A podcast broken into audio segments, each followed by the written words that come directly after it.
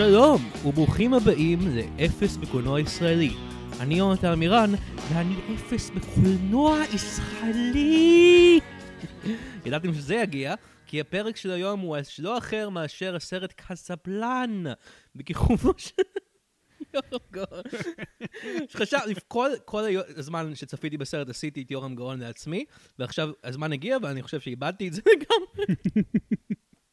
אבל כן, אנחנו מדברים על קזבלן, כיכובו של יורם גאון, בבימויו של מנחם גולן, בשביל זה הבאתי לפה אה, חבר, שי רינגל, אהלן. שהוא בחור מאוד מצחיק, והוא גם אה, בעל ידע אה, נרחב בקולנוע הישראלי, הוא במנחם גולן בפרט. כן, אני מאוד מאוד אוהב את מנחם גולן. אז אה, כן, בעצם הפודקאסט, אני רק אסביר שוב, אה, הפודקאסט הוא אני, יונתן אמירה, אני בקושי רואה איתי סרטים ישראלים, אני מביא את החברים שלי לראות איתי אותם, אני רואה אותם פעם ראשונה, הם רואים אותם בפעם המי יודע כמה. ואנחנו מדברים עליהם, ואנחנו היום מדברים על קזבלן. ושי, אה, לפני שאנחנו נדבר על קזבלן, מה הדעה שלך באופן כללי על קולנוע ישראלי? מה, איפה אתה עומד?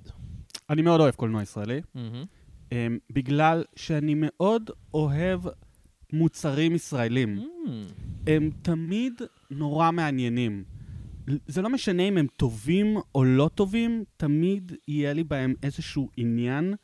ודווקא בגלל שהם ישראלים, הם יכולים להיות כל כך משונים וכל כך אה, אחרים, mm-hmm. והם תמיד, תמיד יהיה לי מה לחפור בהם. כן. אה, גם בסרטים הישראלים הכי גרועים, וכשאתה הצעת לי לעשות את הפודקאסט, אני מאוד שמחתי, mm-hmm. אבל uh, אני מודה שכאילו הדבר הראשון שחשבתי זה איך להתעלל בך ולתפוס איזה סרט ישראלי מאוד מאוד גרוע. כן.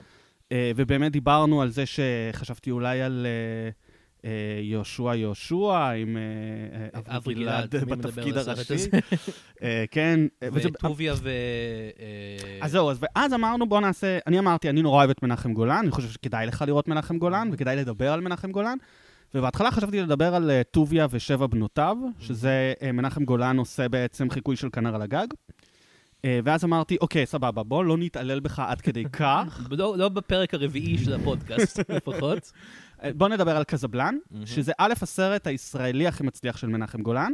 זה הסרט השני הכי מצליח בתולדות ישראל. וואו. הוא הביא לקולנוע, הוא מכר אה, מיליון, למעלה ממיליון 200 אלף כרטיסים. ב-1973, כשבמדינה חיו 2.8 מיליון בני אדם, זאת אומרת כמעט 50 אחוז. כמובן שהוא לא 50% ראו, אלא הרבה אנשים קנו שוב, שוב, שוב ושוב את הכרטיס, אבל הוא כן מאוד מאוד מצליח. מה, מה הסרט מספר אחת? אסקימו לימון. אסקימו לימון. שמכר אה, מיל, למעלה ממיליון שלוש מאות אלף, אבל הוא מכר אותו אה, מאוחר יותר, ב-78, 79, משהו כזה. כן, זה אחרי. אה, אז בזמן שקזבלן יצא, הוא היה הכי מצליח. כן, כן. והוא היה המחזמר הראשון. אה, כן? כן, הוא היה בעצם המחזמר הראשון על הבמה. כן, הוא היה קודם מחזמר. כן. הוא היה קודם מחזה. נכון. אפילו לפני זה של יגאל מוסינזון. נכון. יוצר חסמבה. כושל בן כושל. כושל בן כושל. זה לא הוא, אני חושב שזה הבן שלו. אבל... גם הוא. גם הוא היה כושל? כן, כן. היה כושל בהרבה דברים. ו, אה, אבל לא ביצירת המחזה קזבלן, שאותו הוא יצר והצליח. נכון. ואז היה מחזמר. נכון. ואז מנחם גולן אמר, אני אעשה מזה סרט. כן. הסרט הזה יצא ב-73, והוא נקרא קזבלן. כן. ולא היה לפני איזה סרטים מוזיקליים אחרים בישראל? אה, חמש חמש? אה, היו, היו, אבל המחזמר גדול. אה, אני באמת חייב להגיד, שראיתי את זה, אני באמת אמרתי, כל הזמן, כי שלושת הסרטים הקודמים שראיתי בפודקאסט הזה, זה הרגיש לי הרבה יותר גדול מהם. כן, זה... זה הרגיש לי, ואני יודע שמנחם גולן ידוע ב... אה, מש... חשיכה, אפשר להגיד, אה, חסכנות כן. מסוימת, אבל זה הרגיש לי גדול, זה הרגיש לי כזה, וואו, יש פה אפקטים, יש פה מלא רקדנים, מלא זה, זה כאילו נכון. מרגיש גדול. תראה, זה סרט מהבחינה הזאת מעניין, כי אתה צודק, מנחם גולן הוא באמת חסכן, mm-hmm. והוא באמת יודע להוציא המון המון סרטים בכמה שפחות כסף, אבל גם בגלל זה הוא היחיד שהיה יכול לעשות סרט גדול, mm-hmm. כי הוא ידע איפה לחסוך והוא ידע איפה אה, אה, לא להוציא כסף. ומשם מגיעים כל הסיפורים, למשל, על uh, העובדה שכשהוא uh, היה צריך לצלם את uh, כולנו יהודים, ולא היו לו uh, ניצבים, הוא היה צריך 100 ניצבים, uh, והוא כנראה, ככל הנראה התקמצן שם על איזה אוטובוס של ניצבים שהיה אמור להגיע, אז מה שהוא עשה זה שהוא שלח את האנשים שלו לטייל ביפו, והם אספו את העובדים הערבים של יפו, מבין אה, כל אתרי הבנייה. והוא הביא אותם, והוא לימד אותם את השיר כולנו יהודים, וכל הניצבים שאתה רואה בכולנו יהודים הם ערבים. וואו. כן. ערבים לא יהודים, יש לציין. לא יהודים, ששרים את כולנו יהודים. קצת אירוני. אבל, אבל זה בדיוק העניין עם מנחם גולן. הוא ידע לעשות את הדברים האלה, כן. לא הייתה לו בושה, לא, הוא לא חשב על הדברים יותר כן. מדי. הוא גם לא היה אמור לביים את הסרט הזה, מהמם. מי שהיה אמור לביים זה הבמאי של המחזמר. הוא מספר, הבמאי המקורי, שהוא היה אמור לביים את המחזמר, ואז יום אחד הוא קרא בעיתון שמנחם גולן הולך לביים את המחזמר הזה, והוא התקשר ואמר לו, מנחם, אבל אתה אמרת שאני כן, הולך הוא היה אמור לביים. להפיק את זה, אני מניח, מנחם גולן, לפני זה. כן, הוא היה רק המפיק, ואז ואז- מנחם אומר לו, כן. תשמע, אה, זה סרט גדול מדי, אני לא יכול לתת לך, זה צריך להוסיף פה דברים, זה צ... אבל... והוא אומר לו, אבל, אבל אנחנו סיכמנו. אז מנחם גלן אומר לו, אז תתבע אותי, וניתק לו את הטלפון בפנים. ואז הוא אמר אקשן. איפה אנחנו אה, בשנת 73 בקריירה של מנחם גולן? אנחנו במצב די טוב. זאת אומרת, אה, מה הוא עשה? כי אני, אני מכיר מנחם גולן בעיקר בשביל דברים שהוא עשה מקזבלן הלאה. נכון. אז מה הוא עשה לפני? הוא הקים את הקולנוע הישראלי, נכון. בהרבה מאוד מובנים. אה, הוא הפיק המון, מהמם. קודם כל הוא הפיק המון, גולן אה, גלובוס, כן, חברת ביחד, ההפקות שלו עם בן דוד שלו. בדיוק, שמנחם היה על הצד האומנותי, וגלובוס היה על הצד העסקי, וזה היה שילוב מאוד כן. מאוד טוב ונכון, והם ביחד חלמו לעשות קולנוע עם קריצה לחו"ל, מהמם. ובשנות ה-60 הם מביימים סדרה של הצלחות. הם מפיקים ומנחם מביים סדרה של הצלחות, קודם כל מבחינת ההפקה. אז אתה מדבר על סאלח שבתי, אה, ואתה נכון. מדבר. כן, ואתה מדבר על הסרטים של... שאפרים קישון ביים, אבל. נכון. קודם כל כן. בהפקה, אני מדבר על קודם כל הפקה. בהפקה, סאלח שבתי. הסאלח סרט שבתי, הסרטים של משה. מזרחי. כן. עכשיו, אם אתה מדבר על בימוי, אז באמת היה את טוביה ושבע אה, בנותיו. לופו ב-1970, גם כן סרט מאוד מאוד מצליח. אה, למנחם גולן היה שורה של הצלחות. אה. הוא, ממש היה היחיד שיכל לעשות הוליווד בישראל, וב-72 הוא מקבל לידיו את הזכויות לקזבלן, למחזמר. אה, בסופו של דבר הוא מבין שהוא יכול לעשות את זה, וזה הולך להיות הסרט הכי יקר שנעשה במדינת ישראל. אמ, והוא באמת עושה סרט שהוא נראה יקר ומרגיש יקר, ורק מנחם גולן היה יכול לעשות את זה. הסרט הראשון של מנחם גולן זה אלדורדו, אם אני לא טועה, שגם כן צולם ביפו. אה, עם... אני אה, לא מכיר את דורלו, זה סרט ישראלי? כן. אה, סרט קצת יותר אומנותי. אה, אבל גם כן, בוא, מנחם גולן. זה הסרט הראשון שהוא ביים, או הסרט הראשון שהוא... הסרט הראשון שהוא ביים, הוא חזר מארצות הברית אחרי שהוא היה אה. אה, עוזר במאי של אה, קורמן. אה, ניסה אה, לסחוט אנחנו ממנו. מדברים על... אה, כן, אני אה, גם איך עכשיו קוראים אה? הרווי בבלק. קורמן? לא, לא, הרווי קורמן ג'יימס- זה ג'יימס קורמן. רגע, עכשיו אני מאוד מבולבל. נכון. אני- אנחנו גם... מדברים על על הבמאי, לא על נכון. ג'יימס קמרון. לא, לא, לא, לא. אנחנו מדברים על... וואו. רגע. לא קור- הרווי קורמן יודע שזה הבמאי, שזה זה השחקן מ Blazing Saddles, אז זה לא הוא. נכון, אבל זה אה, נשמע נכון. נכון. אני אזכר, אני אזכר, רוג'ר קורמן. רוג'ר קורמן. אוקיי, כן, אז כן. מנחם גולן עבד אצל רוג'ר קורמן, הוא היה שם חזר זה, לארץ. כן, למד אה, קולנוע. הוא כן למד לביים, למרות מה שזה נראה. אה, הוא כן למד לביים, הוא כן היה עוזר במאי אצל רוג'ר קורמן, אה, ניסה לסחוט ממנו קצת כספים. אה, הוא מספר, אה, מנחם גולן, שלסרט הראשון שלו אה, הוא ביקש מרוג'ר קורמן 30 אלף דולר, ורוג'ר קורמן אמר לו, יש, אני רוצה לעשות סרט כמו הוליוודי, שיש בו אה, גנב, שוטר ופרוצה. ורוג'ר קורמן אמר, take my money, רק שבאותה ארוחה ישב גם פרנסיס פורד קופולה. Mm. ופרנסיס פורד קופולה אמר, אני מה... אעשה לך סרט עם בדיוק, קבוצה." מה אתה עושה? תן לי את הכסף. כן, רוג'ר קורמן, בוא נגיד, הוא מפיק הוליוודי אגדי. הוא אה, היה, עסק בעיקר ב B movies, אבל כן. התחיל את הקריירה של אנשים כמו פרנסיס פורד קופולה, אה, ג'ו דנטה, נכון. אה, ג'יימס קמרון, שאמרנו נכון. בטעות קודם, ועכשיו זה נכון להגיד. ו, אה, והוא- וכן, ועבד עם מנחם ב- כולם היו עוזרי הפקה אצלו, מהמם. וכולם למדו ממנו את הקונספט הזה של איך מפיקים סרט, כן. והרעיון שלא משנה מה הסרט, לא משנה מה התקציב שלו, לא משנה אה, מה החש... אם אתה מחשיב את הסרט הזה יותר או פחות, אתה... לעשות סרט זה הדבר הכי חשוב שבן אדם יכול לעשות בחיים האלה, מהמם. והם לקחו את הרעיון הזה הלאה. ומנחם גולן מאוד מאוד הושפע ממנו, ומאוד הושפע מהיכולת שלו לעשות המון המון סרטים. והוא באמת חזר לארץ בשיא ההתלהבות, והחליט שהוא עושה פה הוליווד. אמ, והוא באמת עשה. לתקופה מאוד ארוכה באמת היה לו רצף של הצלחות, גם כמפיק, גם כבמאי.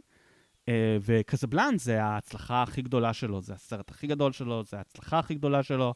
אה, אחר כך, אחרי קזבלן, Mhm. יהיה לו עוד אה, הצלחה ישראלית גדולה וסרט מאוד מאוד יקר, שזה מבצע יונתן, כן. ב-78. אני חייב להגיד שמקצר אותן אני כן ראיתי, לפני הפודקאסט הזה, באוניברסיטה, ואני בכל זאת רוצה לעשות עליו פרק, כי אני חושב שהוא סרט מאוד מעניין. כן. אתה מכיר את הסיפור עם הטייס במבצע עם יונתן? הטייס לא. אז במ- אני אספר כמה סיפורים על מנחם גולן בשביל כן. לנסות להבין את הדמות שלו. קולטורה. אז uh, אני אספר שני סיפורים, מהמם. uh, להבין איזה סוג של במאי או מפיק הוא. כן.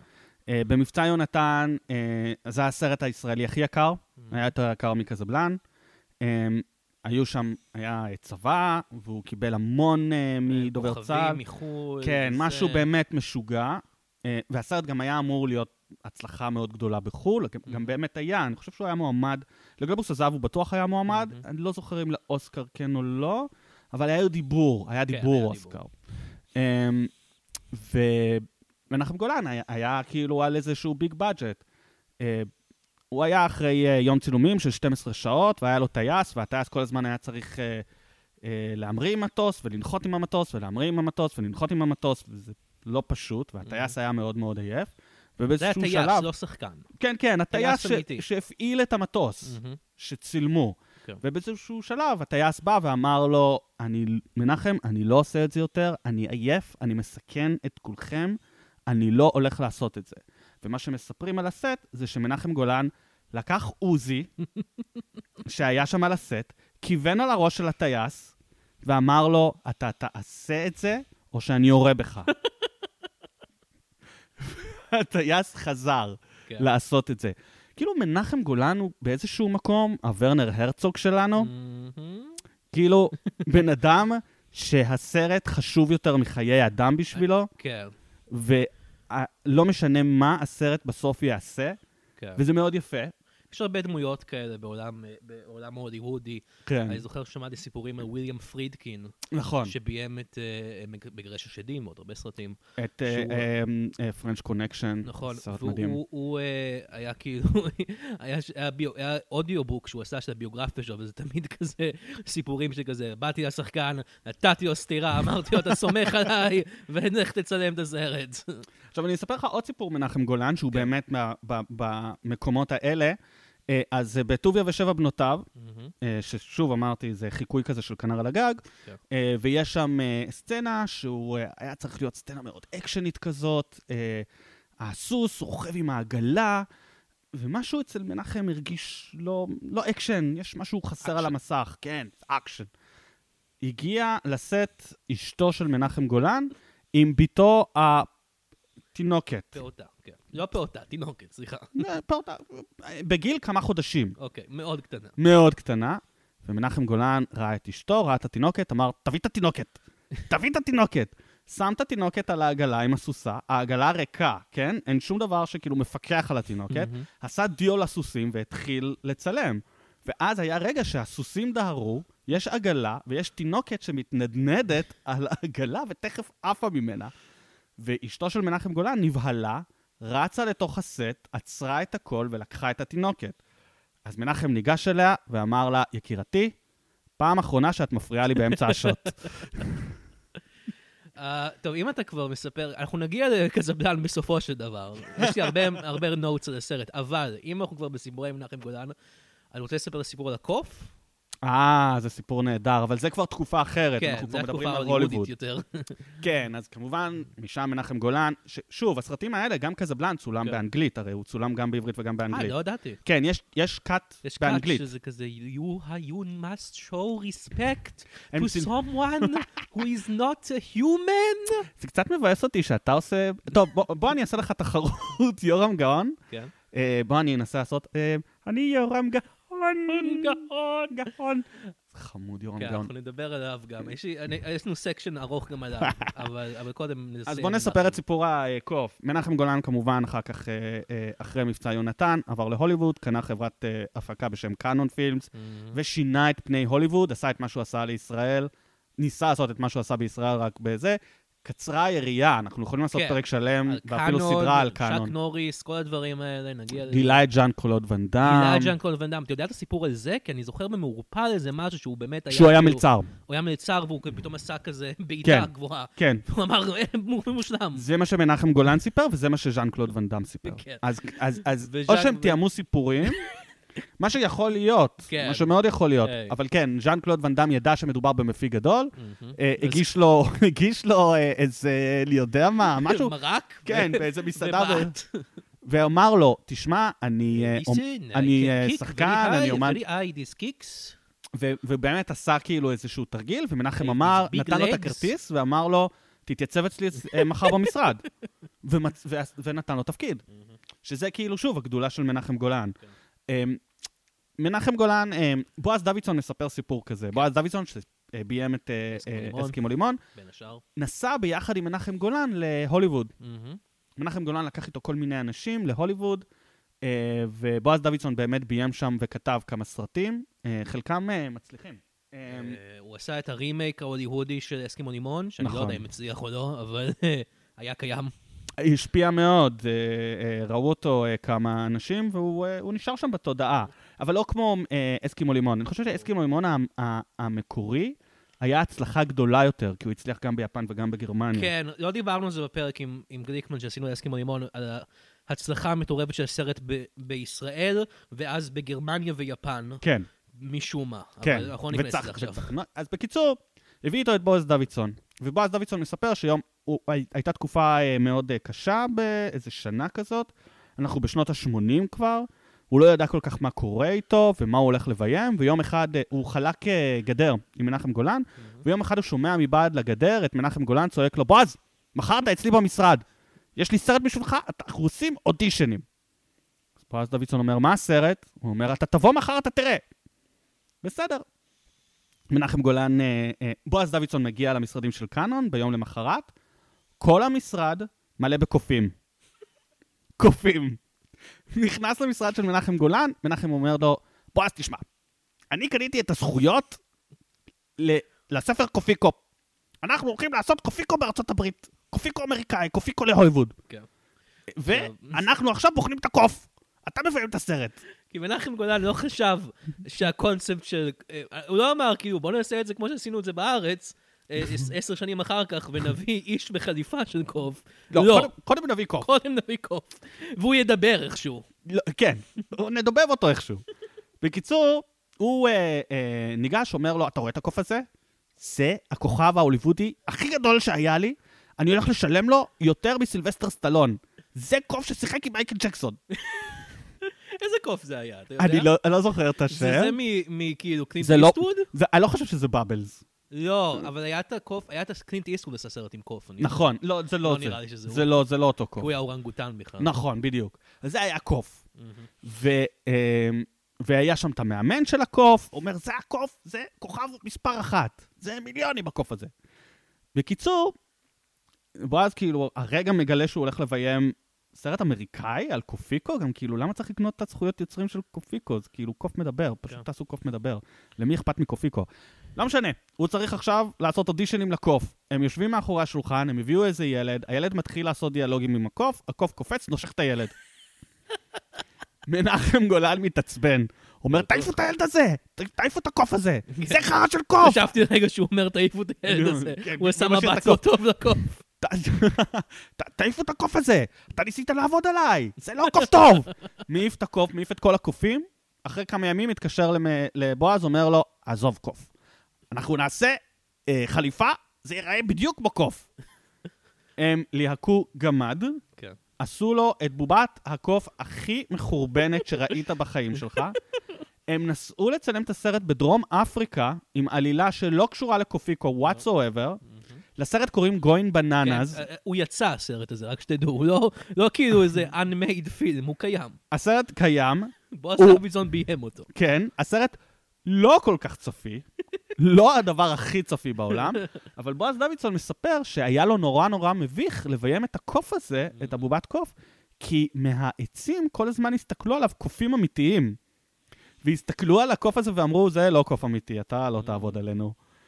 אה, אבל הסרט קיים, והוא... אה, אה, דום דה לואיז, אגב, נמצא בסרט. נכון, נכון. מה שאני זוכר שאתה סיפרת לי פעם, זה שמנחם גם התייחס אל הקוף באודישן כמו שחקן. כן, כן, אמר כן, לו כזה, "אה, נתן לו מוטיבציה. נכון. אתה מסתכל על הילד הזה, אתה אוהב אותו, אתה... והקוף, הוא לא יודע, הוא- הוא הוא אוהב קוף. בננות. הוא קוף. כן, כן. בוא, אה, מנחם כאילו ביים את הקוף כמו שהוא מביים שחקן רגיל. כן. עושה, אתה מסתכל, אתה מסתכל על הקוף, ואתה, על הילד, ואתה אוהב את הילד, אתה אוהב אותו, אתה רוצה להגן עליו. אז כן, אז אה, כן, הוא התייחס זה- קצת לזה. זה אבל גם- בסוף הקוף נשך את הילד, נשך ומשם אה, כן. הקריירה שלו הידרדרה מאוד. הקרי- הקוף הזה לא עבד בעיר הזאת מאז. אז, אה, אז בוא נעבור ליורם גאון, כוכב הסרט. איפה כן. אנחנו בקריירה של יורם גאון? כוכב ענק. כוכב ענק, כוכב זמר, זמר. אבל גם שחקן. נכון, היה במצור, אני יודע נכון. את זה. נכון. קודם כל, תראה, יורם גאון, אחד הכוכבים הגדולים במדינת ישראל, אמ, כמעט לא הגיע לעשות את קזבלנה מחזמר, הוא היה בקזבלנה מחזמר, משם כאילו הגיע כן. לסרט, אבל כמעט לא הגיע. אה, הליהוק הראשון שהם חשבו עליו היה אריק איינשטיין, או, אוקיי. שזה שזה- טעות מאוד גדולה הייתה טעות יכולה גדולה, להיות. אך אה, מתאים מאוד לאווירה הישראלית של אה, בוא נלהק מז- אשכנזים משחק מזרחים. נכון. של. סרח שבתי לדוגמה. כן, בוא, בוא, בוא נדבר על זה שנייה, כי אמנם אה, יורם גאון מ- מלוהק פה בתור מרוקאי, כן. הוא לא מרוקאי, הוא סמ"טי. הוא ס"ט. אני רציתי לדבר על זה גם, כי אני, אני, אני אדבר על איך אני, בתור ילד, ילד שנות ה-90, איך אני הרגשתי לגבי יורם גאון. כן, אני, כל החיים שהכרתי את יורם גאון. וכאילו, אני לא ידעתי אפילו אם הוא מזרחי או אשכנזי, הוא פשוט היה יורם גאון, הוא ישראל. זה משהו. כן. אבל הוא ס"ט, והוא לא מרוקאי, אבל הוא משחק מרוקאי. והוא הוא משחק מרוקאי גאה, כן. שמאוד אוהב את זה שהוא מרוקאי. והוא גם עושה טיפה, כאילו, המבטא מבטא. שלו שם שונה מכל מה שהוא עשה אי פעם.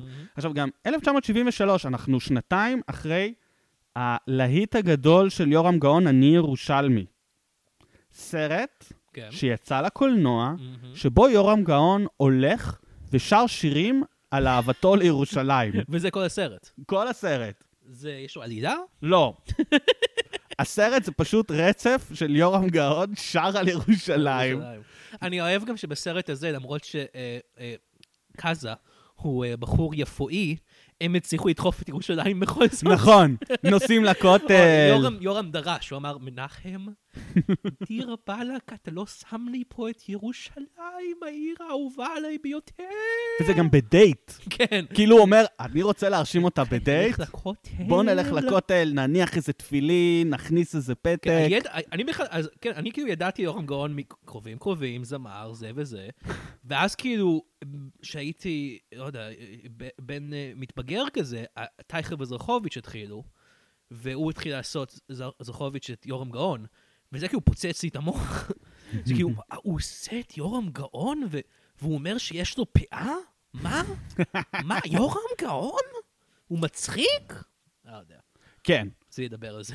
לא ידעתי שהוא דמות, דמות מגוחכת בעצם עד אז. הוא גם דמות מגוחכת, אבל גם יש לו חוש הומור. זאת אומרת, כן. הוא גם נמצא בחור בקרובים מצחיק. קרובים אחר כך, בשנות ה-80 הוא יהיה בקרובים קרובים. אספירין, אספירין, לאורה, אני צריך אספירין. תראה, סברים ענן. אז בוא נדבר, כי בקרובים קרובים אתה כן מגלה שלבן אדם יש טיימינג קומי. קומי, מצוין. כן. הוא באמת נורא נורא מצחיק שם. כי יורם גאון הוא קודם כל שחקן טוב.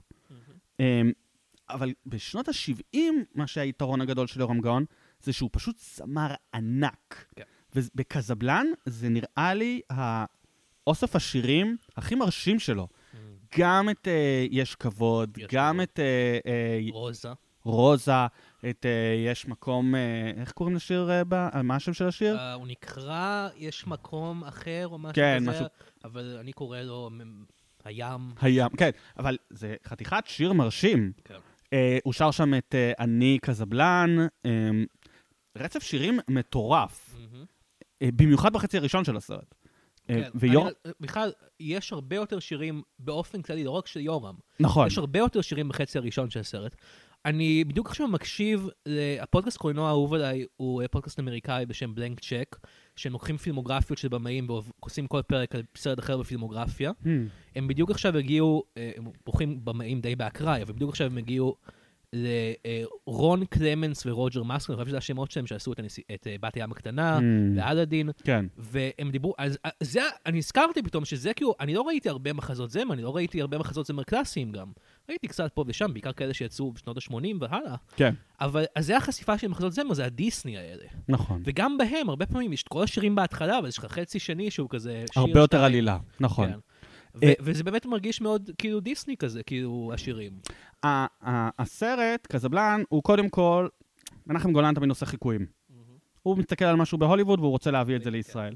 אני תמיד משווה אז- בפודקאסט הזה סרטים ישראלים סרטים אמריקאים, כן. אז בואו נעשה את זה. איזה סרט? אה, סיפור הפרברים. כן, זה לחלוטין סיפור הפרברים, העלילה של סיפור הפרברים, אה, השירים הם מאוד מאוד דומים, ובגלל זה, אגב, כל הסרט הזה, שהוא נכתב על אה, עירוב, אה, ערבוב בין עדות וכל ישראל אחים, אבל יש פה המון המון אה, על העדה המזרחית, כן. והסרט כולו נכתב על ידי אשכנזים, מהמם, וגם השירים נכתבו על ידי אשכנזים, מהמם. והשירים הם מאוד, אה, אה, מה שנקרא ארץ ישראל הישנה והטובה, מהמם. למרות שהם כאילו אמורים להיות... אה, הפנתרים השחורים. וזה. כן, יש מקום הרחק מהים, אני כן. זוכר, אבי... את מרוקו. זה.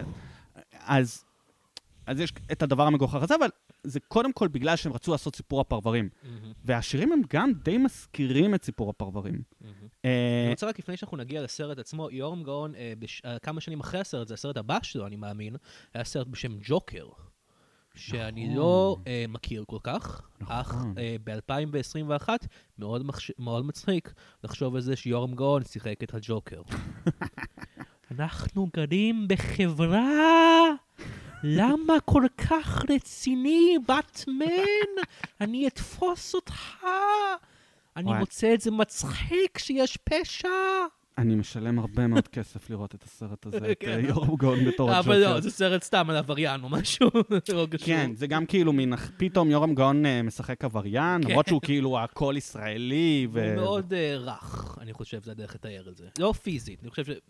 יש לו קול רך, נכון. ודיבור רך, והוא יש משהו רך. באישיות שלו ובכריזמה שלו, כן. שהיא הרבה יותר מחבקת מאשר לגמרי. מפחידה. כן, בגלל זה הוא אולי בזמן שהפודקאסט הזה יוצא, נשיא המדינה שלנו. אנחנו לא יודעים. אה, הלוואי. אתה יודע שהוא ניסה לרוץ כמה פעמים לראשות עיריית ירושלים. כן, אפילו שהוא לא גר שם. כן. כן. כן. אה, אבל הוא ירושלמי. הוא ירושלמי, אין ספק. יש לו סרט. יש לו שאומר, סרט? אני ירושלמי. הוא שר. הרבה שירים על ירושלים. כן, אז בואו ניכנס לסרט עצמו. אני רק רוצה להגיד, אה, בכותרות הפתיחה, אה, מופיע אה, עורך הסרט, דוב הניג. נכון, אני הייתי כזה, אה, אני מכיר את השם הזה. נכון. הוא היה לו קריירה הוליוודית אחר כך. נכון, ערך את... הנמלט. הנמלט. בין השאר, אחד מהסרטים האהובים עליי. סרט מדהים, הוא היה מועמד לאוסקר על הסרט הזה. כן, למרות שלדעתי יש איזה ארבעה אורחים לנמלט, אבל בסדר, בכל זאת. אה, אוקיי, אז לוקח קצת זמן עד שהשיר הראשון מתחיל, לפני זה יש ריקודים, יש את החבר'ה של קזבלן שהם חבורת ריקודים, ארי מוסקונו הוא אחד מהם. ניסיתי לברר, מהמם. כי זה כבר מאוד בולט בתחילת הסרט שהריקודים הם מאוד דיסקו. כן. הם, הם רוקדים ביפו והם רוקדים דיסקו. יש בחורים אפרו. כן, זה נכון, זה קצת כאילו אה, שיער פתאום מרגיש, מהמם. וניסיתי לברר אם זה היה ככה, כאילו זה לא יכול להיות בדיוק ככה בגרסת המחזמר. המחזמר שהייתה ב-66. מהמם. אז כאילו מנחם גולן, בנוסף לזה שיש לך פה גלגול זה, הכניס גם דיסקו לתוך כי העניין. הוא מבין מה חם, מה הצעירים אוהבים. הוא- כן, זה נורא מנחם. אבל איך הרגשת לגבי הריקודים? הריקודים הם בסדר, לא יודע. כי בהתחלה כשהסתכלתי על זה אמרתי, וואי, זה כאילו הגרסה המכוערת של סיפור הפרברים. והם גם. כולם כל הזמן עושים את האצבע הזאת את למעלה, כאילו הם. בי-ג'יז. כן, וואו, זה היה קשוח. כן. אבל... אה, עם ה... והם הם די דיסקו מהבחינה הזאת שכאילו החולצה מכופתרת כן. טיפה פתוחה. מהמם. אה, וכן, אחד מהחברים שלו זה ארי מוסקונה, אה, שצופי הצעיר, אני כל הזמן אומר צופי, זה בעיה בפודקאסטים. מאזיני הצעירים אולי זוכרים מהמחסן שזה כאילו, או שמש, אבל הוא היה שחקן ישראלי שהופיע במלא סרטים, הרבה של מנחם גולן גם. נכון. והוא אחלה שם. ואני ממש מצחיק אותי לראות אותו, כי, אתה, כי אני מכיר אותו נורא בתור המבוגר, בתור מנ- אה, ש- המבוגר, שנות ה-90. ואז פתאום אני רואה אותו נראה, כאילו הראש שלו אותו דבר על גוף של איש צעיר, זה מאוד מצחיק. וגם ששון גבאי שם. ששון גבי לא ראיתי. כן, הוא נמצא שם באחד ה... אני יודע שדוד דביר נמצא שם, וואו, נכון. ואני חושב שהוא בחור עם האפרו, לא? נכון. יש מצב. לא, הוא לא הבחור עם זו האפרו. לא... זו לא. הייתה בדיחה, כי הבחור עם האפרו הוא מאוד מזרחי, ודוד דביר מאוד אשכנזי. אז מה היה דוד דביר? דוד דביר מופיע לדעתי בסצנת ריקוד, אני ראי, שמתי לב, אבל אני לא זוכר באיזה שיר זה. זה לדעתי בסצנה שהם רוקדים ומשפצים את הבתים. ויש רקדן בלונדיני אחד, וזה דוד דביר. אה, וואי, זו הייתה הסצנה הגרועה בסרט. למה הם רוקדים כל כך הרבה זמן? כן, אז בוא אז בוא נגיע זו לזה. סצנה שהיא תמ"א 38 ב- ב- בריקודים. כן. אז הסרט נפתח, אנחנו פוגשים את ארי אליאס, אה, מושיקו הדייג, זה השם שלו? כן. אה, אנחנו פוגשים אותו, מדבר למצלמה קצת, זה גם דיסני כזה קצת, כמו אה, התחלה של אלאדין, אני חושב שאלאדין העתיקו מקזבלן הרבה דברים. יש מצב. זה כאילו, הוא המספר. כן. כאילו, הוא הנרטיב. הוא. המספר והוא מדבר ממש ישירות למצלמה, אבל לא הרבה בסרט. בהתחלה כן, ואז נכון. אחר כך לא הרבה.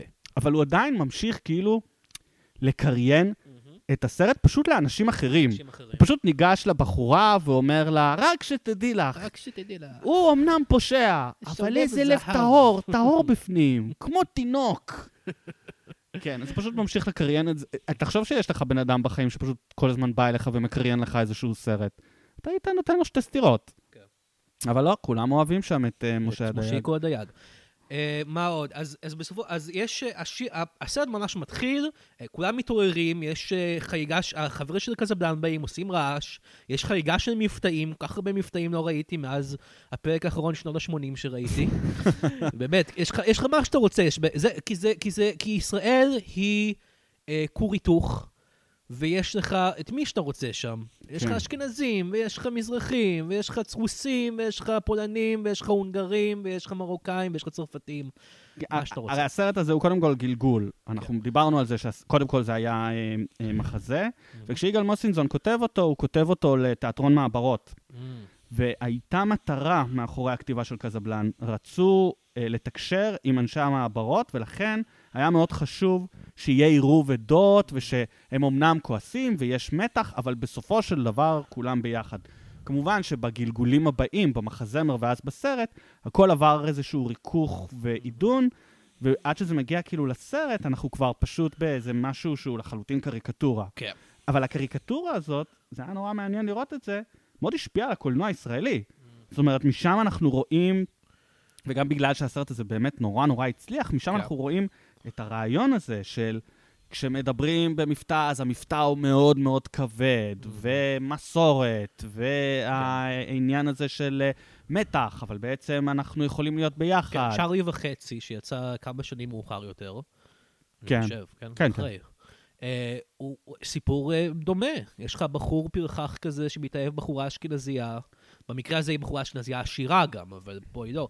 אבל כן, זה מאוד דומה הסיפור. ה- ה- ה- המבנה של כאילו רומאו ויוליה, כן. שגם אחר כך זה בסיפור הפרברים, ואז פה בקזבלן, הוא סיפור של שני אנשים משתי עדות, משתי קצוות של החברה, שמאוד רוצים להיות ביחד, אבל לא יכולים בגלל שהגורל הוא ככה כן. וככה. וסרטי הבורקס ישכפלו את התבנית הזאת שוב ושוב ושוב ושוב, כן. לא רק בארץ. לא רק בארץ, אה, בכל העולם יש את ז'אנר סרטי הבורקס שלו. אה, יש לי חבר מאוד טוב, אה, שהוא אה, מומחה קולנוע לכל סרט שאתה רוצה. כן. קוראים לו אורי שחורי, שאט אאוט לאורי שחורי. הוא יום אחד מתקשר אליי לפני כמה שנים ואומר לי, שי, גיליתי סרטי בורקס הולנדים. ואני אומר לו, מה זאת אומרת סרטי בורקס הולנדים? הוא אומר, זה סרטים על כך שהגבר הוא מהגר טורקי, והבחורה היא הולנדית בלונדינית יפהפייה, וההורים לא רוצים שהיא תצא עם המהגר הטורקי. אני חייב שאתה הולך להגיד, זה סרטים על זה שהוא מגבעה מלמעלה של הגבעה, והיא מהלמטה של הגבעה. אבל זה די זה, כן. זה די זה. אז- ולהודים יש את הגרסה שלהם, אני בטוח. אה, ו- כל הסרטים הבוליוודים זה ככה. כן, ש- קאסטות. הם פשוט מקסטות שונות. כן. שם זה מאוד פשוט. ובאמריקאים יש להם טיילר פרי, אני יודע. נכון? כן, כן. של uh, uh, Who's coming to dinner כזה. כן. אה, דרך אגב, יורם גאון מגיע, קזה- קזה מגיע, יו- יוסף סימנטוב מגיע, והוא ישר כריזמטי, כובש את הקהל, כובש את כולנו עם הקול הזה שלו. בן כמה יורם גאון אה, היה שהוא עשה את זה? וואי, בוא נבדוק את זה. אני אגיד לך, יש לי את התשובה. אבל לך כמה את אתה נראה התשובה? לך? אוקיי. בן כמה הוא היה? הוא היה כבר בן 30 ו... הוא היה בן 35, 36? 34. כן, שזה משהו. מעניין. אני חושב שבסרט הוא אמור להיות צעיר יותר, כי הוא במחזמר... נראה קצת מבוגר יותר לדעתי. לא, בוא, יש, יש בעיה עם הליהוק של יורם גאון. מצד אחד, הוא כוכב על, כן. אז זה היה נכון ללהק אותו. יש לו את הגבות הכי מטורפות שראית בחיים שלך, והן גם מסוטטות יופי. זאת אומרת, הוא עבריין צעצוע. הרבה הבעות יש בגבות האלה. כן, והוא גם כל הזמן כזה, מין, אה, הוא עושה עם הגבות כזה, אם אני אה, עוד לא הרגתי אותך, זה לא אומר שאני לא אהרוג אותך בעתיד. כזה, ואתה רואה על הגבות שלו שהוא רציני. יש, יש סאבטקסט שלהם בגבות האלה. וואו, זה מדהים. אבל כשליהקו אותו לתפקיד, אז הוא היה באמת הרבה יותר צעיר. אני לא יכול, אני לא יודע אם הוא היה נראה צעיר יותר. אני חושב שיורם גאון תמיד, תמיד היה נראה נראה מבוגר. קצת מבוגר, אה, וזה היה טיפה איזה בעיה בליהוק מההתחלה, אה, אבל אה, אין כזה בלנד ביורם גאון. לא, לגמרי. זה כאילו, לא, אני לא רואה מישהו אחר שהיה יכול לעשות את הדבר הזה. אז uh, אנחנו מתחילים עם השיר הראשון, כבוד, השיר הכי מפורסם מהסרט, השיר שאני מכיר הכי טוב. נכון. אני מכיר אותו משתי סיבות. א', כי הוא שיר מאוד מפורסם בתרבות הישראלית. ב', כי כשהייתי הולך לקאמל, שהיה סטנדאפ, זה היה השיר שהיו שמים לפני כל ערב של הקאמל. כאילו, אתה נכנס לקאמל, יש מוזיקה, אוקיי, יש מוזיקה, סבבה, וברגע שהם שמים את כל הכבוד, אתה יודע ש... או, אוקיי, הם שמו, שמו את כל הכבוד, אחרי זה רועי לוי עולה, או whatever. זה השיר שפותח את הערב. אתה אומר שבקאמל מצאו את הנוסחה, והם מאמינים שהשיר הזה פותח את שערי הצחוק בליבם של הקהל. עכשיו, אני אגיד לך עוד משהו. זה לא היה הגרסה הרגילה של כל הכבוד שאנחנו מכירים. אוקיי. זו הייתה גרסת קאבר משונה שעד היום לא הצלחתי להבין מאיפה היא, אוי ואבוי. שבה מישהו אחר שר את זה, אבל בבית השני יורם גאון מצטרף אליו. אוי ואבוי, זה נשמע נורא. ואני אף פעם לא הצלחתי להבין מי זה. אורי ברד, אה, חברנו, שאני מקווה יבוא לפודקאסט פעם אחת, אמר לי שזה נראה לו גרסה של אלי זולטה, of all people, אבל חיפשתי אלי זולטה כל הכבוד ביוטיוב ולא מצאתי, אז אין לי מושג. טוב, צריך לשאול את אה, רועי לוי. מצד שני, זה אומר שתצטרך לדבר עם רועי לוי, אז אה, בהצלחה עם זה. כן, אני לא, אני, אני חושב שהדיון יתחיל במקום אחד ויגמר במקום אחר מאוד. אה, בוא ישאל אותי מה אני עובד ויאלתר על זה בדיחה. ואז יגיד לך, "אה, אין לי בדיחה, סתום את הפה, לך אתה מעונן מעונן כל היום? אחתוך את כל זה. אז... אה, אה, ואז אה, לא, פוגשים אותו, כל הכבוד. על מה השיר כל הכבוד בעצם, לדעתך? אה, זה שיר כמה שקאזה הוא מגניב, ואחלה, וגיבור. וזה שיר על איזשהו סטריאוטיפ כן. של המזרחי שמגיע לו כבוד. כן. שהוא עוסק בכבוד, ש... אה, הרי זה גם באמת שיר שהוא מתאר את, אה, אה, את אחת, ה, אה, אחת הדילמות הגדולות אה, בחייו של אה, קאזה ובנפשו, שהוא בעצם בחור שיש לו צל"ש, הוא הציל מישהו במלחמה. אה, אבל אף אחד לא מתייחס אליו ברצינות בגלל מוצאו, מהמם. בגלל המקום שבו הוא גר, ולכן הוא מצד אחד אומר, יודעים יודעים יש יותר כבוד, אבל הוא גם יודע שהוא לא באמת מקבל הערכה מספיק טובה מהסביבה שלו. כן. אה, ואז יש פה ניגוד שהוא נורא יפה, כי אנחנו מתחילים את זה שיורם גאון, שקאזה שר את זה שיש לו כבוד, וממשיכים עם העובדה שבעצם אין לו כבוד, אין ושהוא גם מעוניין. הוא לא מקבל כבוד, כן. כמו רודני דיינג'רפילד. הוא לא מקבל שום כבוד. אה, אז אנחנו מגיעים לשיר השני אחר כך. הש- השירים מגיעים די מהר בשלב הזה. כן, הם אה, רצף מטורף. כן, אה, קאזה הולך, אה, אה, אה, צריכים להגיד שקאזה פוגש בשלב הזה, לפני כל הכבוד, הוא פוגש לראשונה את, אה, את, אה, איך קוראים לה? איך קוראים לה? רחל. רחל, רחלי. רחל פלדמן, שבה הוא מתאהב, הבחורה האשכנזייה בה הוא מתאהב. כן, והיא לא אומרת לו בוקר טוב. היא לא אומרת, תגידי לי בוקר טוב. זה קצת... אה, לא, הוא עוצר אותה גם ברחוב, עומד מולה, וכאילו זה נראה מאוים עליה, וגם את, כאילו, גברת, את לא רוצה להגיד בוקר טוב, אז כאילו, די להסתכל עליו ככה. כאילו, פשוט תלכי. כן. כאילו, בהתחלה יש את הקטע שהוא מנסה לגרום לה להגיד בוקר טוב, היא פשוט בוהה בו מהחלון, כאילו כן. במין כזה... "אה", זה כאילו, פשוט כנסי לבית. כן, כנסי הבית. סליחה, לא רוצה לעשות פה לא האשמת רוצה לעשות פה הקורבן. האשמת הקורבן. אבל אני רוצה להגיד שאם אה, קאזה היה קיים היום, הוא היה אומר לנשים לחייך. אה, וואו, ממש. למה את לא חי- מחייכת? למה את לא מחייכת? כזה חיוך יפה. אני מוס- אני אגיב לך תגובה בפייסבוק על מה שכתבת. אני אעשה לב. אבל וואו, אה, אה, בהחלט אה, אה, הכבוד ובוקר טוב. כן. ו- אז אז אחרי זה יש את השיר כולם. הוא איש של נימוסים. הוא איש של נימוסים יותר מהכל. אה, אז יש את אה, כולנו יהודים אחרי זה, זה השיר השני. כן, ששם שהוא שיר באמת... שבו אה, כל השכונה שרה, כל אחד מקבל חלק משלו. נכון. הצרפתים, אז אה, כולנו יהודים, וזה חוץ מהערבים. גם השוורצה. וגם הבוזבוז. וגם הבוזבוז. מילים נהדרות של חיים חפר. אה, נראה לי, זה גם אה, אלמגור שם וגם חיים חפר. אני כן. חושב שחיים חפר הוא על אה, כולנו יהודים, אם אני לא טועה. יכול להיות. ואנחנו פוגשים גם, אני רוצה לדבר על דמותו של אה, יוסי גרבר. אוקיי. שבעבר לא ידעתי איך להגיד את שמו. אני עדיין לא בטוח אם זה יוסי גרבר, יוסי גרבר. אני חושב שאתה אומר נכון אני גם. חושב שזה גרבר. גר- יוסי גם אני חושב גרבר. גרבר. גרבר by the pussy? כן. יוסי, למה הוא לא שינה לשם הזה? שטראמפ נבחר. כי כן, הוא היה יכול הוא היה כבר מת, לדעתי. הוא מת לא לפני כמה שנים. חבל מאוד. אבל בוא כן, נשנה על הקבר. אבל יוסי גרבר by the pussy זה שם שמתאים לדמות שלו בסרט הזה, שהוא איש מאוד creepy ומטריד. אז כן, אנחנו נכנסים פה ל... אה, הוא סנדלר.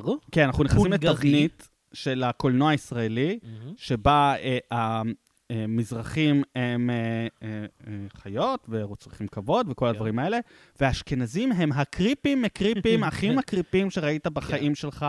הם תמיד קרחים, מהמם. כאילו יש, ל...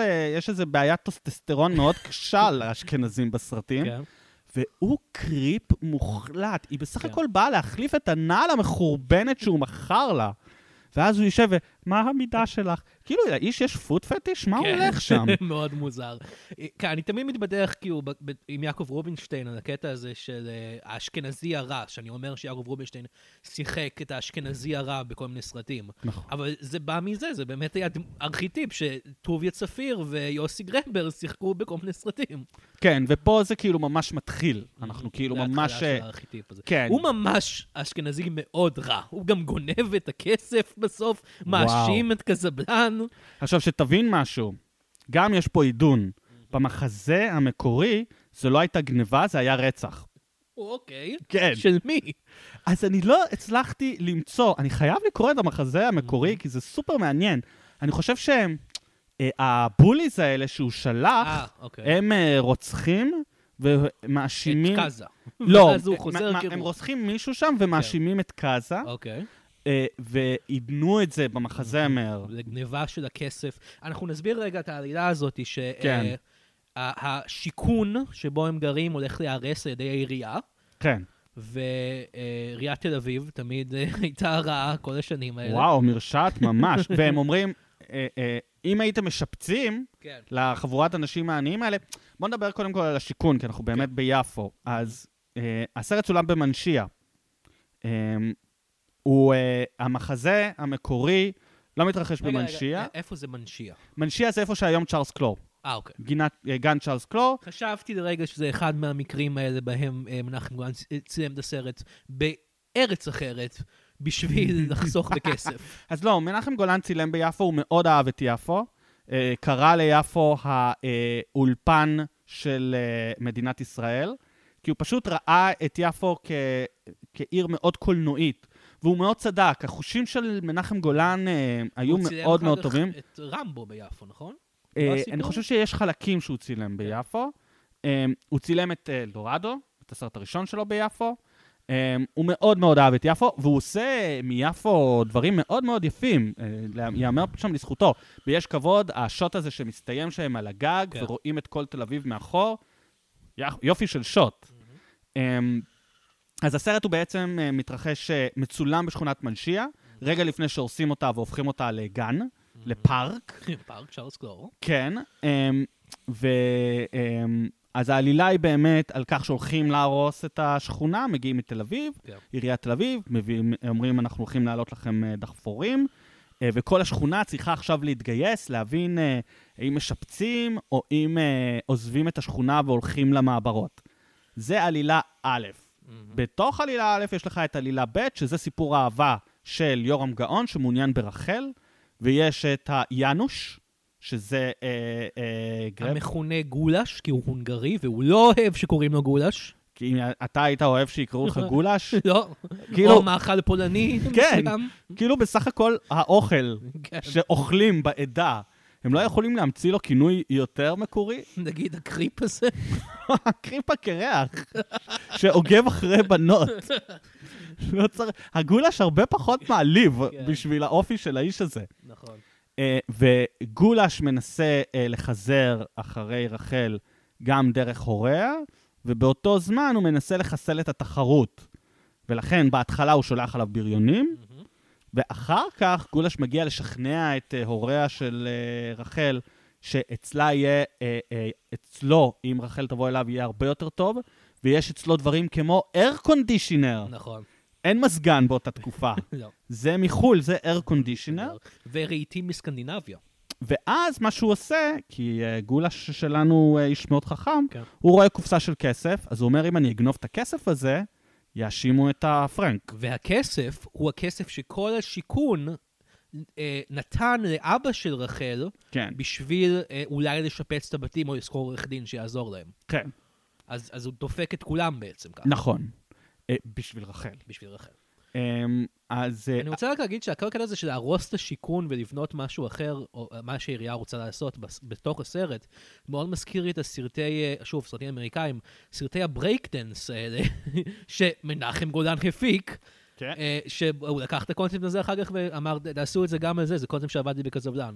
ואני מכיר- אני- אני הייתי מת שזה גם יהיה סרט ברייקדנס, ואנחנו נראה את יורם גאון, ה Electric Boogaloo, הנה זה בא. אתה מכיר את הסיפור על הסרט הראשון של ברייק? אה, Breakin'? Breakin'? שמנחם גולן הפיק, אני בדקתי את זה עכשיו. כן, כן. כן, כן, הוא הפיק. לא רק שהוא הפיק, זה הסרט שעשה את קאנון. זה היה הצלחה מטאורית. מנחם גולן הולך ברחובות ניו יורק, רואה אנשים עושים ברייק דנס, אומר, אני רוצה סרט כזה. ניגש לתסריטאים שלו בקאנון, אומר, אתם כותבים לי עכשיו אה, סרט. באותו זמן שהם כותבים את הסרט, הוא מגלה שיש מפיק אחר שעובד גם כן על סרט ברייק דנס. הוא ניגש לתסריטאים ואומר, אין לנו זמן, אנחנו חייבים להפיק את הסרט הזה כמה שיותר מהר בשביל להספיק את האחרים. עזבו תסריט. תכתבו סצנות כלליות ונצא לצלם. וואו. ליהק תוך שבוע, יצא לצלם, הצליח להוציא את הסרט כמה שבועות לפני הסרט המתחרה, וזו הייתה הצלחה מסחררת, וזה הכניס לקאנון המון המון כסף, ובזכות זה קאנון יכלה אה, להתקדם. היה סיפור דומה לזה, אני חושב, עם הסרט של מנחם גולן על הלמבדה, נכון? הוא עשה את זה אחר כך שוב פעם עם למבדה. ואם אני לא טועה, יכול להיות שלמבדה היה מקרה שבו יצאו שני סרטים שאחד מנחם גולן הפיק ואחד יורם גלובוס הפיק? יכול להיות שאני צודק בזה? אמ, זה אחר כך, יורם גלובוס אחר כך הרי עז- עז- עזב את אה, אני מנחם חושב שזה היה גולן. בלמבדה. הוא עשה את The Dance That is Forbidden והוא עשה את למבדה. נכון, נכון, אני חושב שזה המקרה הזה. נכון. Breakin' היום בעיקר מוכר בזכות הסרט ההמשך שלו, שהביא לנו את ה title, Breakin' Electric 2, Boogaloo. Electric Boogaloo. והיום זה פשוט קלישאה שאנשים זורקים Electric Boogaloo. כן. אה, סרט מצוין אגב, Breakin' 2, Electric Boogaloo, אני ממליץ לראות אותו אפילו בלי לראות את הראשון. אז אה, מרגול בסרט, אגב, רשום לי פה ב notes. ידעת את זה? איפה? אה, אני שמתי לב, אני די בטוח ששמתי לב אליה, באחד מהשירים, אולי זה כולנו יהודים, אולי זה שיר אחר, ש... אחד מהשירים האלה שכל השכונה שרה, יש. קטע תימני, והיא אחת מהבחורות. בסוף יש קטע. שזה עם. הברית מילה. אני חושב שזה לפני, יש קטע לפני. בוא נתקשר למרגול ונשאל אותה. איפה היא. איפה את בקזבלן? אני חושב שיש לי את המספר שלה. לא, לא, בוא לא נעשה את זה. אפשר לעשות. את זה? בוא, בוא לא, בוא לא. יש לנו אורח, אורחת בהפתעה. אה, מרגול, והיא שמה מטען מתחת הח- הרכב של רינגל. אה, אני חושב שמדובר על השיר אולי, אה, אולי בדמוקרטיה היא נמצאת? אני לא יודע. שיר- דמוקרטיה זה עוד שיר. כן. בוא נדבר על דמוקרטיה. דמו, דמו, דמוקרטיה, שיר מצוין.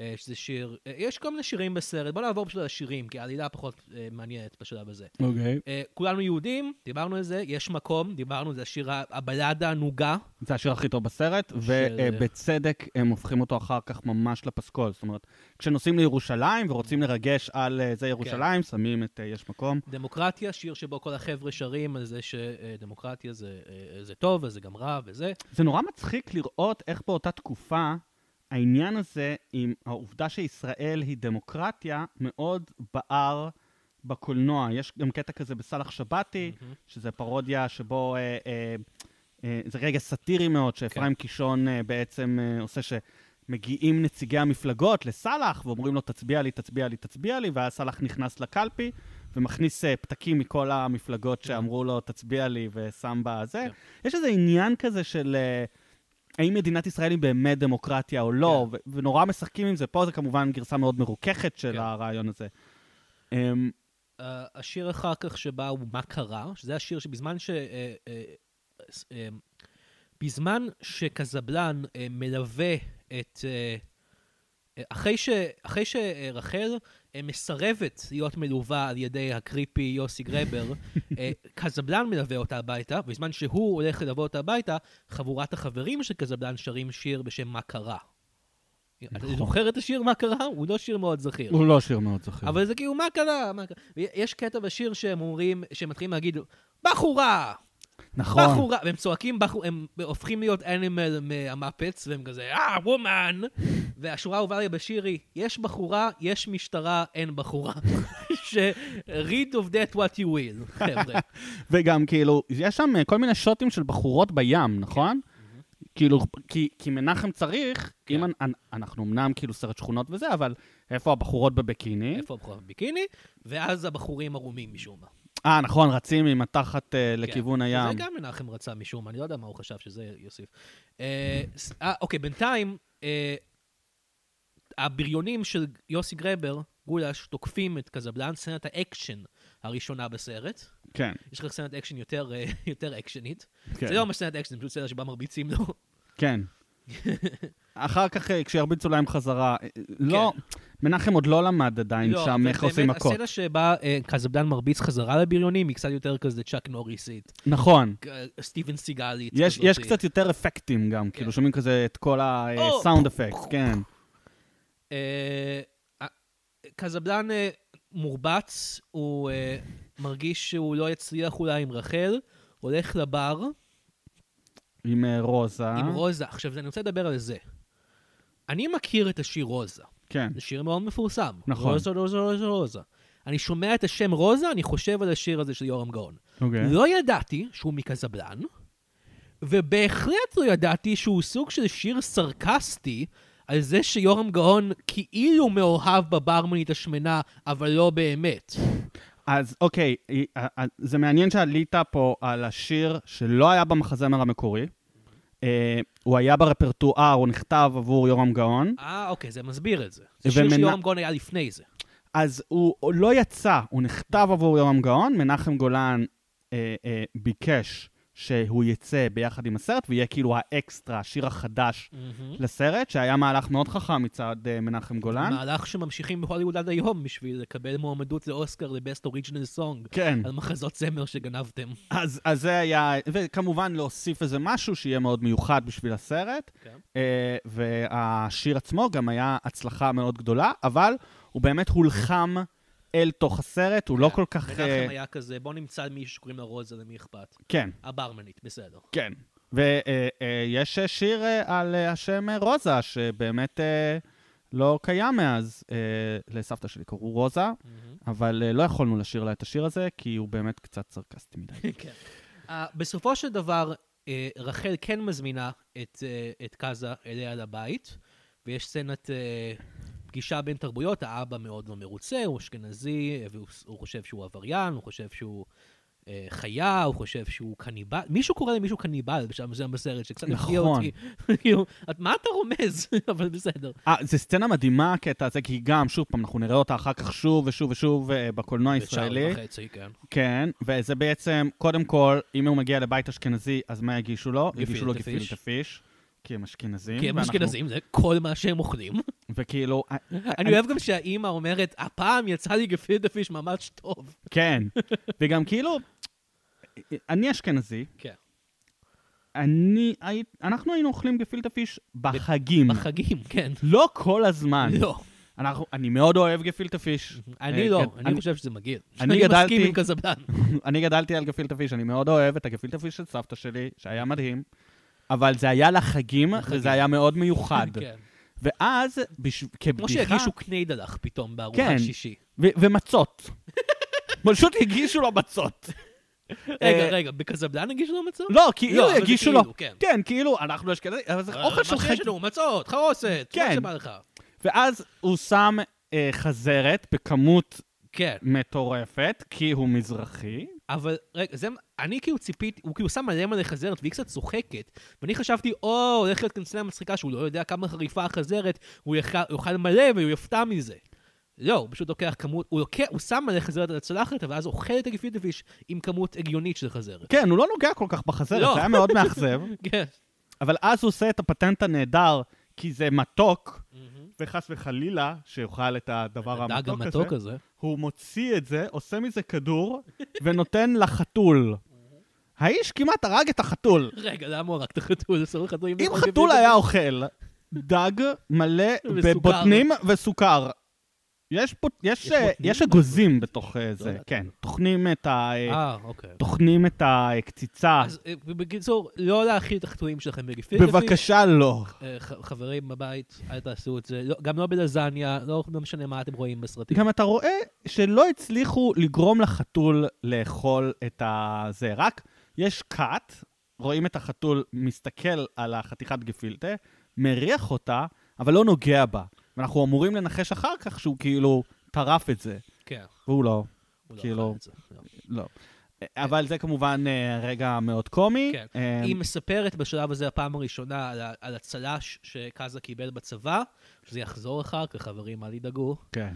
והוא הציל את המפקד שלו בכך שהוא, מה הוא עשה? הוא הלך לשדה מוקשים? זה מה שאומרים? כן, משהו כזה, ואז הוא אומר, אה, הוא כאילו מצטנע כן, אם אני מאוד, לא הייתי עושה את זה. מישהו אחר היה עושה את זה. האיש שיש לו כבוד. כן. אמ, ואנחנו מגיעים לשלב שבו אה, הוא לוקח אותה לדייט הזה, על המכונית שהחברים שלו גנבו לו, כי הם מזרחים. וואי, הקטע הזה שהם כל הזמן כאילו, אנחנו אמורים לחבב אותם, אבל אני, אני אולי כאילו אשכנזי מדי, אבל. הסתכלתי על זה ואמרתי, לא, אל תגנבו מכונית ממישהו בבקשה, זה לא גורם לי לחשוב עליכם רק דברים טובים. כן. כאילו, זה, אתם חמודים ומצחיקים וזה, אבל מישהו באמת שילם על המכונית הזאת. אה, הם אה, נוסעים במכונית לירושלים, כמו שאמרנו, חייבים להכניס את ירושלים, כי זה יורם גאון. כן. אה, ואז מתגלה הגניבה, שזה בעצם גולש עשה, והשוטרים באים ולוקחים את קאזה לכלא. למעצר, כן. ויש, אה, והיא היא, היא אומרת, אה, רחל אומרת לאבא שלה, אה, כתבתי את זה פה, אני יודעת שהוא לא עשה את זה, ואז הוא נתן לו סטירה, כי- כי זה סרט ישראלי, חייבים אה, להכניס את זה. בואנה, אבא, זה חרא? אבל הוא בסוף, יש לו לב זהב, הוא אוהב את קצר. כן, יש גם רגע כזה, או משהו. כשהוא מדבר עם אה, גולש, שזה ינוש, אבל אני כבר, אה, אני שונא אותו, אז אני אקרא לו גולש, כן. שהוא לא אוהב את השם. הזה. אז אה, אבא שלה כזה מסתכל על החלון ורואה את כל השכנים צועקים אחד על השני, ואז הוא אומר, אני לא אעזוב פה אף פעם. כן, אני אוהב את... חוץ מאת קאזה, שאני חושב שהוא גנב. כן, לא ברור שם אה, כן, היחס שלו. מוזר. ויש שיר עצוב של חווה אלברשטיין בשלב הזה של הסרט, נכון. שזה מוזר לדעתי, כי זה מחזמר, כן. אבל היא לא שרה. חווה אלברשטיין, שלא נמצאת בסרט, שרה בסוג של מוזיקה נון-דיאגטית. כי היא לא ידעה לשיר. כן, כן, כנראה שזה המקרה. כן. והם לא רצו ללהג את חווה אלברשטיין. חווה אלברשטיין בתור האשכנזייה. שאי אפשר להשיג. כולם רודפים אחרי כבר. חווה אלברשטיין. גולש כזה, מותק, אני. אכין לך אה, זה. לך זה. וחווה שרה לו את אה, כמו צמח בר. אה, רציתי להגיד ש... אה, אוקיי, אז קאזה הולך לכלא, ושם הוא פוגש בכלא את ג'וש, אותו מפקד שהוא הציל בשדה הקרב. איזה מקריות, אה? איזה מקריות מדהימה, זה כן, ממש אה. ה- ה- ה- הצל"ש של- שכוב. והוא פוגש את ג'וש, וג'וש- והוא מסביר, הוא אומר לו, מה שמעניין בסצנה הזאת, שהוא אף פעם לא אומר לו, תקשיב, לא גנבתי את הכסף, כי הוא כזה, כי הוא לא. כזה, הוא יש לו רגשי נחיתות, הוא כזה, ויש לו כבוד. אתם בטח חושבים שגנבתי, אה, אתם בטח חושבים, תראה, אה, אני יודע. זו סצנה, האמת שהיא נורא מעניינת. אני חושב שתסריטאית היא אה, אה, אה, הסצנה הטובה בסרט. כי גם אתה מקבל את העניין הזה של יורם גאון שנפגע לו הכבוד, שמאשימים אותו רק בשל העובדה שהוא מזרחי, ולא מאשימים מישהו אחר שגם היה בבית באותו יום, וגם לא תוהים אפילו לגבי העובדה שהוא לא היה היחיד בבית באותו יום. נכון. פשוט הוא המזרחי היחיד שהיה בבית באותו יום, אבל גם הוא בא למפקד והוא אומר לו, אני הצלתי אותך, עברו הרבה, הרבה שנים מאז, לא חיפשת אותי, באמת, ואפילו לא הזמנת אותי אז, לא קיבלת אותי אז. כן. זאת אומרת, אני וכל הייתי... האנשים בזה, כל השמות האשכנזים שהוא זורק של חיילים אחרים, שלא כן. אותו לאוהל לשמוע מוצרט, ולא הזמינו אותו לחתונה שלהם אחר כך. כן. אבל זה כן סצנה שהיא אה, מבחינת תסריטאית מעניינת, אמ, ומתחברת מאוד יפה. היא כן הופכת את הדמות של אה, יורם גאון למשהו הרבה יותר מעניין ממה שהוא היה עד. אז. כן, יש שם איזו התעקשות מאוד ילדותית שלו, לא להגיד, תשמע, לא אני. לא גנבתי, וכל הזמן מין...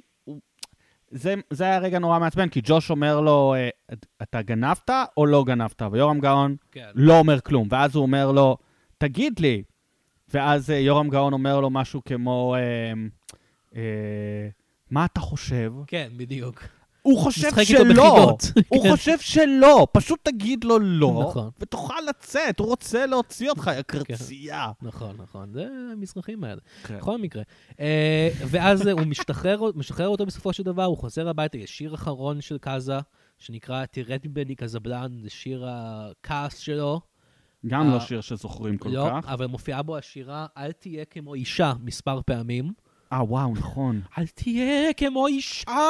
חס וחלילה. חס וחלילה. תהיה עם כבוד. והוא חוזר, אה, הוא, הוא, הוא, רגע, הוא מגיע לחנות של אה, יוסי גרבר, שהוא בדיוק כאילו, אה, היא, היא באה להתעמת איתו על זה שהיא יודעת שהוא גנב את הכסף. כן. הוא, הוא בא, רואה אותה שם, אומר, צאי החוצה, צאי החוצה עכשיו.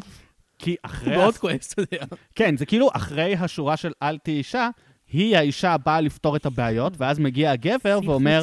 זה לא משהו שאישה יכולה לפתור, תני לגבר. כן, תני לגבר לעשות אה, קצת אה, צ'אק נוריס ולהרביץ ליוסי גרבר, זה נחמד, ומרביץ הוא מרביץ שם לבריונים. לבריונים, וזה נגמר בברית מילה. לא אמרנו את זה קודם, כי זה לא כזה רלוונטי. לא, קודם כל, רגע, לפני זה הוא מוצא את הכסף, נכון. הכסף אה, מתפזר שם ברחוב, כולם מסתכלים, בדיוק מגיעה המשטרה אה, ועוצרת נכון. את אה, לא, יאנו. אה, לא דיברנו על, על כל הקטע עם השכונה גם.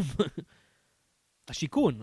השיק- אה, והם משפצים את השיכון. הם משפצים כי לשיכון דיברנו בסצנה הסצנה הזאת הזאת, כן, כי פשוט קודם. היא כל כך ארוכה. הם משפצים אותו בעזרת קסם הריקודים, ואז הם לא צריכים יותר... אה, שלמה וישינסקי מגיע ואומר, אנחנו לא צריכים יותר ש, שהעירייה אה, ת- ת- תשמיד את הבתים האלה. אני אדריכל. ומהנדס, ואני בדקתי את השכונה, והיא בסדר גמור, לכו מפה. כן, בדיוק.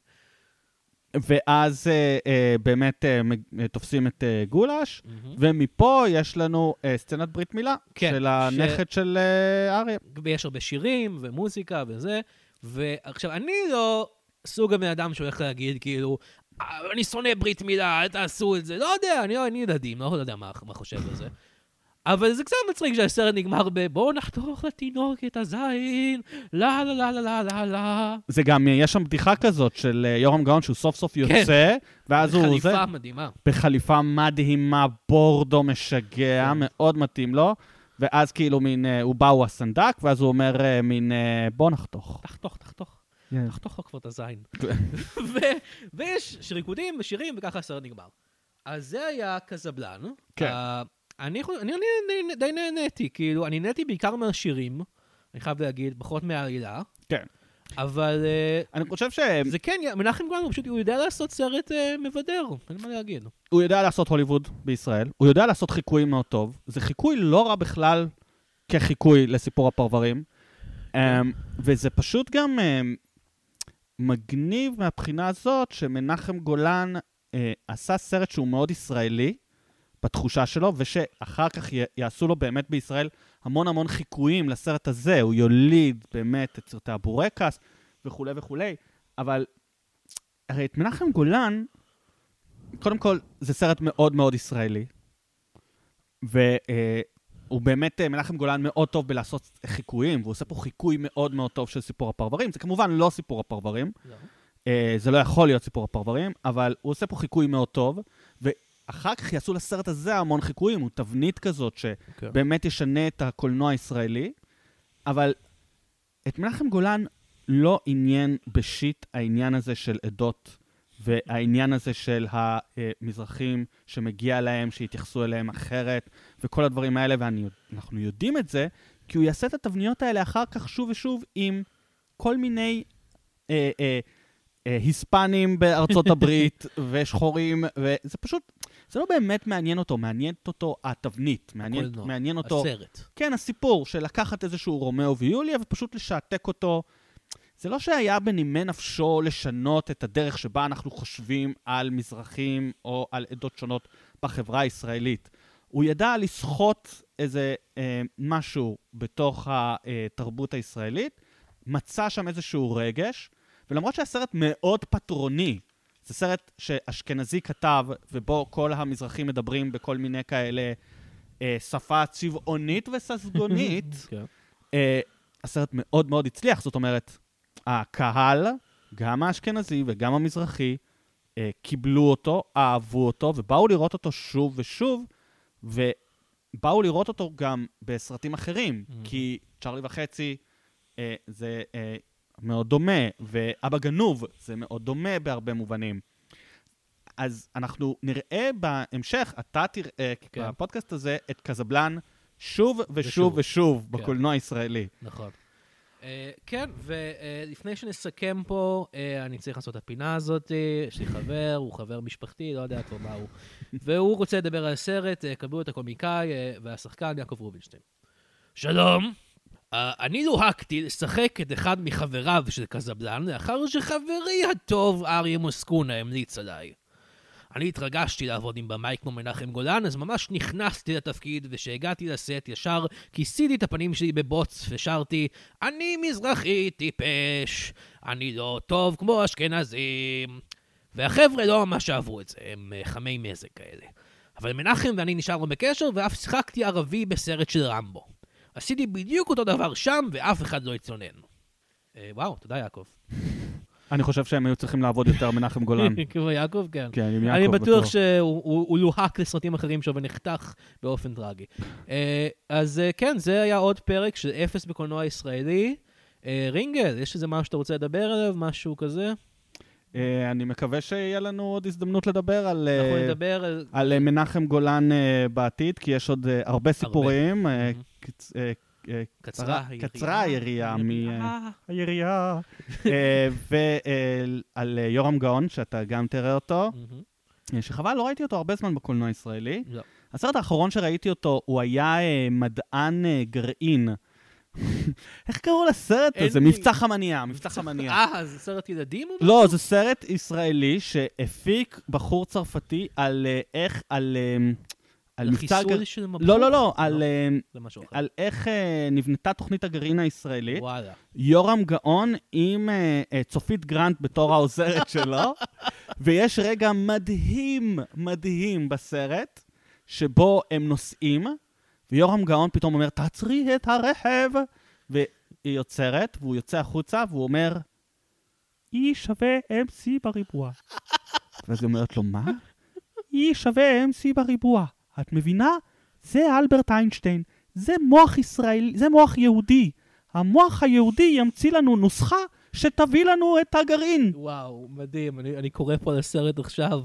יש לו חתיכת קסט, הוא בוים על ידי אברהם קושניר. כן. לא אבי קושניר, איש אחר לגמרי. כן, ומופיעים בו אה, צופית גרנט, יוסי מרשק, כן, כן, כן. עמנואל הלפרין, למה ראיתי- לא? ראיתי את הסרט הזה בהקרנה מסחרית אמיתית בקולנוע, וזה היה נהדר כי לא היו הרבה אנשים באולם, אז אני וחבריי יכולנו uh, לצחוק out loud באולם, והסרט נסגר, וסליחה שאני עושה לך פה ספוילר, יש מסך שחור, יורם גאון יוצא מן החשיכה ואומר, כל מה שראיתם פה לא באמת התרחש במציאות.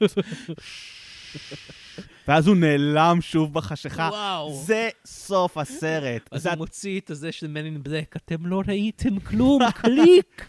אז זה התפקיד האחרון שלו בקולנוע שראיתי, וחבל. אה, וחבל, יורם... חוץ מזה, חבר'ה, סברים הרנן כל שישי, במתי שתרצו. לא, יורם, תעשה עוד סרטים. סרטים, סרטים, אני רוצה לראות אותך בקולנוע. כן. אה, לא, אבל רינגה, יש משהו שאתה רוצה לקדם, להגיד, אה, זה? אה, אני יכול לקדם.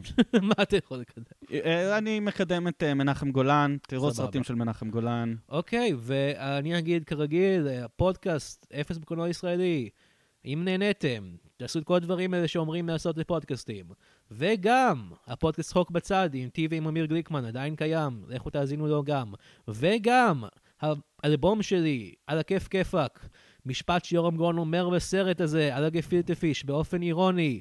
האלבום שלי על הכיף כיפאק עדיין נמצא בכל ההאזנות, תזמינו, תקשיבו לאלבום סטנדאפ. וזה הסוף של הפרק.